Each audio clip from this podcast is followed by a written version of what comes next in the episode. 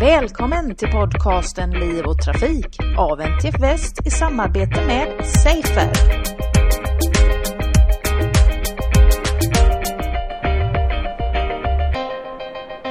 Liv och Trafikpodden är på Transportforum och jag står här med Sara Bergendorf från Afry. Välkommen till podden Sara!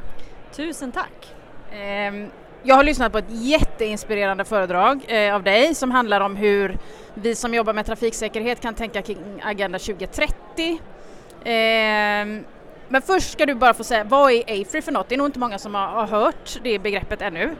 Nej, eh, och AFRY är OF som gick ihop med Pöyry för ungefär ett år sedan och så bytte vi namn strax innan årsskiftet. Så egentligen gör vi precis samma sak. Det är ett stort konsultföretag som jobbar med teknik och design och rådgivning. Så.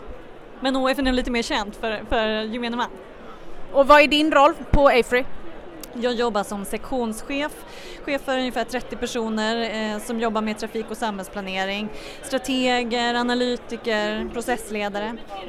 Mm. Och du blev inbjuden hit idag för att prata om vad då? Hur lockade man hit dig idag? Eh, jag blev inbjuden för att prata om just hur trafiksäkerhet är en del av Agenda 2030 och det har varit någonting som vi har jobbat med under flera år, att vi behöver liksom tänka på alla mål samtidigt. Vi myntade ett begrepp som vi kallade för Sum Zero för ett tag sedan som handlade om just att gå från allt som var positivt med nollvisionen till att det här behöver vi göra inte bara för trafiksäkerhet utan vi behöver kunna klara av flera mål samtidigt och liksom nå en summa noll för flera saker samtidigt. Så det var det som gjorde att det var så spännande att prata om de här frågorna idag. Eh, och du har ju tagit upp eh, hur man kan göra hela värdekedjan hållbar. Vad, vad betyder det för en företagare? Alltså värdekedjan är just hela vägen från en råvara, en produkt, en tjänst. Det, kan, det ser lite olika ut beroende på vad det är för typ av företag och vad man säljer. Men hela vägen från råvaran till leverantörerna, underleverantörerna, det ska distribueras och produceras till användningen och i, i slutskedet också hur det här återvinns den här produkten. Det är hela värdekedjan. Vi måste tänka på hela vår påverkan av det som vårt företag ska, vill få ut till marknaden. Och du beskriver det som att om någon dör i trafiken exempelvis så dör man som en del i någons värdekedja. Det låter ju väldigt krast och cyniskt. Eh, ska man tänka så? Ja, alltså så här, jag tänker mig att i väldigt många delar av värdekedjorna för de stora multinationella företagen och produkterna som produceras här i världen, de produceras i utvecklingsländer, så är det fortfarande i väldigt stor utsträckning. Och i utvecklingsländerna så, så genereras den trafik som man har i utvecklingsländerna, det kommer från företagen. Det är inga privat, det är en väldigt liten del som är privatbilism i de här utvecklingsländerna, vilket gör att de trafikolyckor som vi fortfarande har eh, i väldigt stort antal i utvecklingsländer och i stora delar av världen, i Sverige också såklart även om vi har fått ett, en positiv trend det här senaste året också eh, så innebär det att de här olyckorna som sker, de, de, hamnar i något företags värdekedja. Det betyder också att vi har en möjlighet att påverka. En, en påverkansmöjlighet som vi kanske inte har utnyttjat till fullo än för att det har inte varit så tydligt att det är ens ansvar som företag. Ehm, du pratar ju om att företagen är nödvändiga för att ehm, Agenda 2030-målen ska kunna uppnås och eh, visade också vilka som är världens tio största ekonomier och eh, ja, berätta om den bilden så att våra lyssnare förstår. Ja, det var något som jag tyckte var väldigt spännande i samband med research för det här föredraget så var det just att jag fick syn på en sån bild om de största ekonomierna i världen och då räknar man ju, jag tänkte krasst att det är klart att det är, är länderna i världen som är de största ekonomierna som har liksom BNP, all, all ekonomi som finns i länderna. Men då visar det sig att den tionde största ekonomin i världen är Walmart som visserligen är in, mer än bara den butik som man kanske har sett när man har varit i USA någon gång men det är en butikskedja som finns i flera länder. Men det är väldigt väldigt intressant att titta på hur mycket e- pengar finns det faktiskt att hämta i de här jättestora företagen eh, som, som är en oanad potential.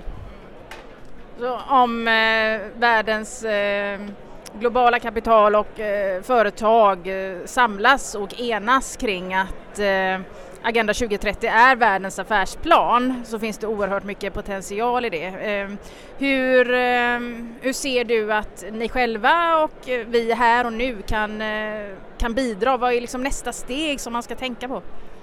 Ja, jag, mitt föredrag handlade ju mycket om också att att det finns ett krav och på att man behöver rapportera hur det går för företagen när det gäller hållbarhet och att vi då också måste inkludera trafiksäkerhet på ett helt annat sätt med, eh, med mätetal.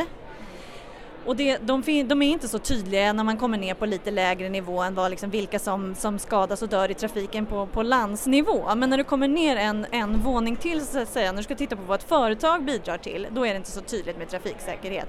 Utan jag tror ju just väldigt mycket på, precis som jag sa i mitt föredrag, eh, på engelska kan jag säga what's measured gets done att om vi kan se vart vi, var vi är idag, vart vi är på väg inom alla Agenda 2030-målen eh, såklart, men även trafiksäkerhet, då finns det på ett helt annat sätt en möjlighet för oss att synliggöra vilka aktiviteter vi behöver genomföra för att nå målen.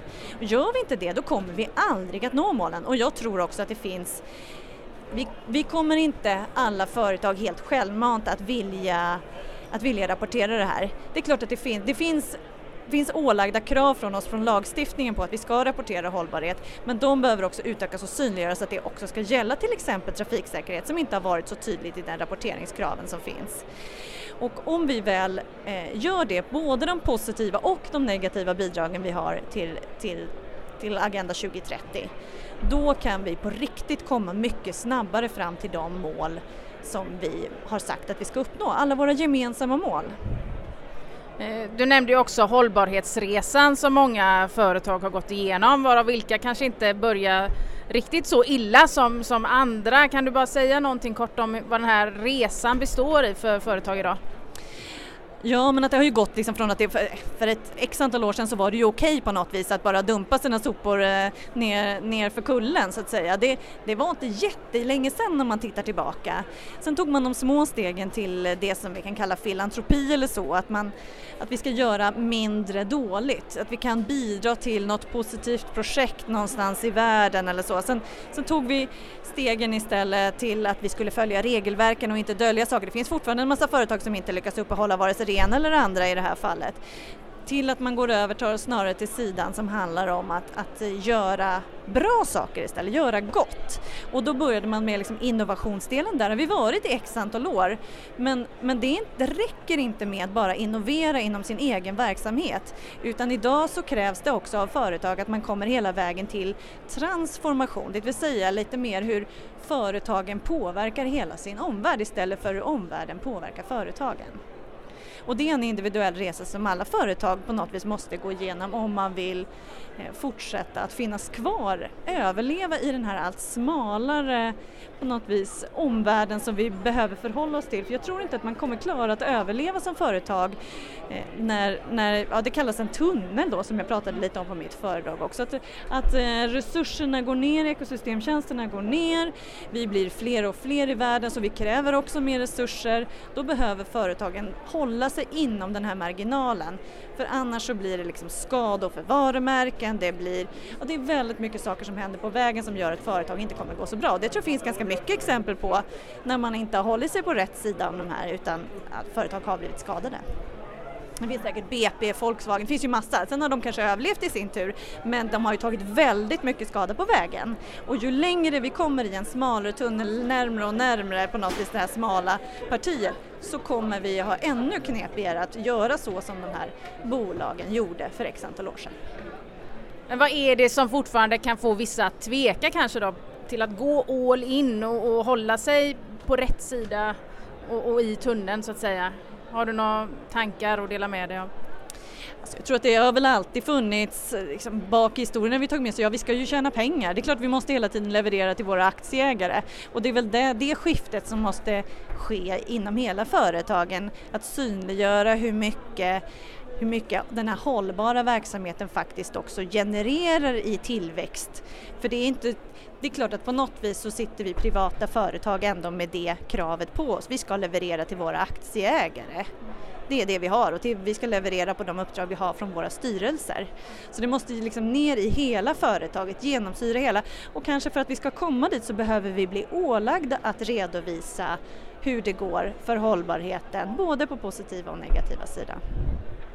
Ja, no business on a dead planet, som du också konstaterade. Något sista du vill skicka med eh, innan vi eh, säger tack för idag? Nej, men jag gillar ju den här eh, att Agenda 2030 är hela världens affärsplan och att, att trafiksäkerhet måste ses som en integrerad del, inte bara av de kanske två mål som är tydligast utpekat kopplat till trafiksäkerhet utan att det hänger ihop med liksom hälsa, tillgång till arbete, utbildning, jämställdhet, jämlikhet. Det är en förutsättning, både de aktiviteter vi gör för att uppnå trafiksäkerhet men också målen i sig. De hänger ihop och vi måste kunna klara av att se det som en enhet. Tack snälla Sara för att du pratade med Liv och Trafikpodden. Tack så mycket. Det var allt från Liv och Trafik för denna gång. Jag heter Angela Elvård och tack för att ni har lyssnat.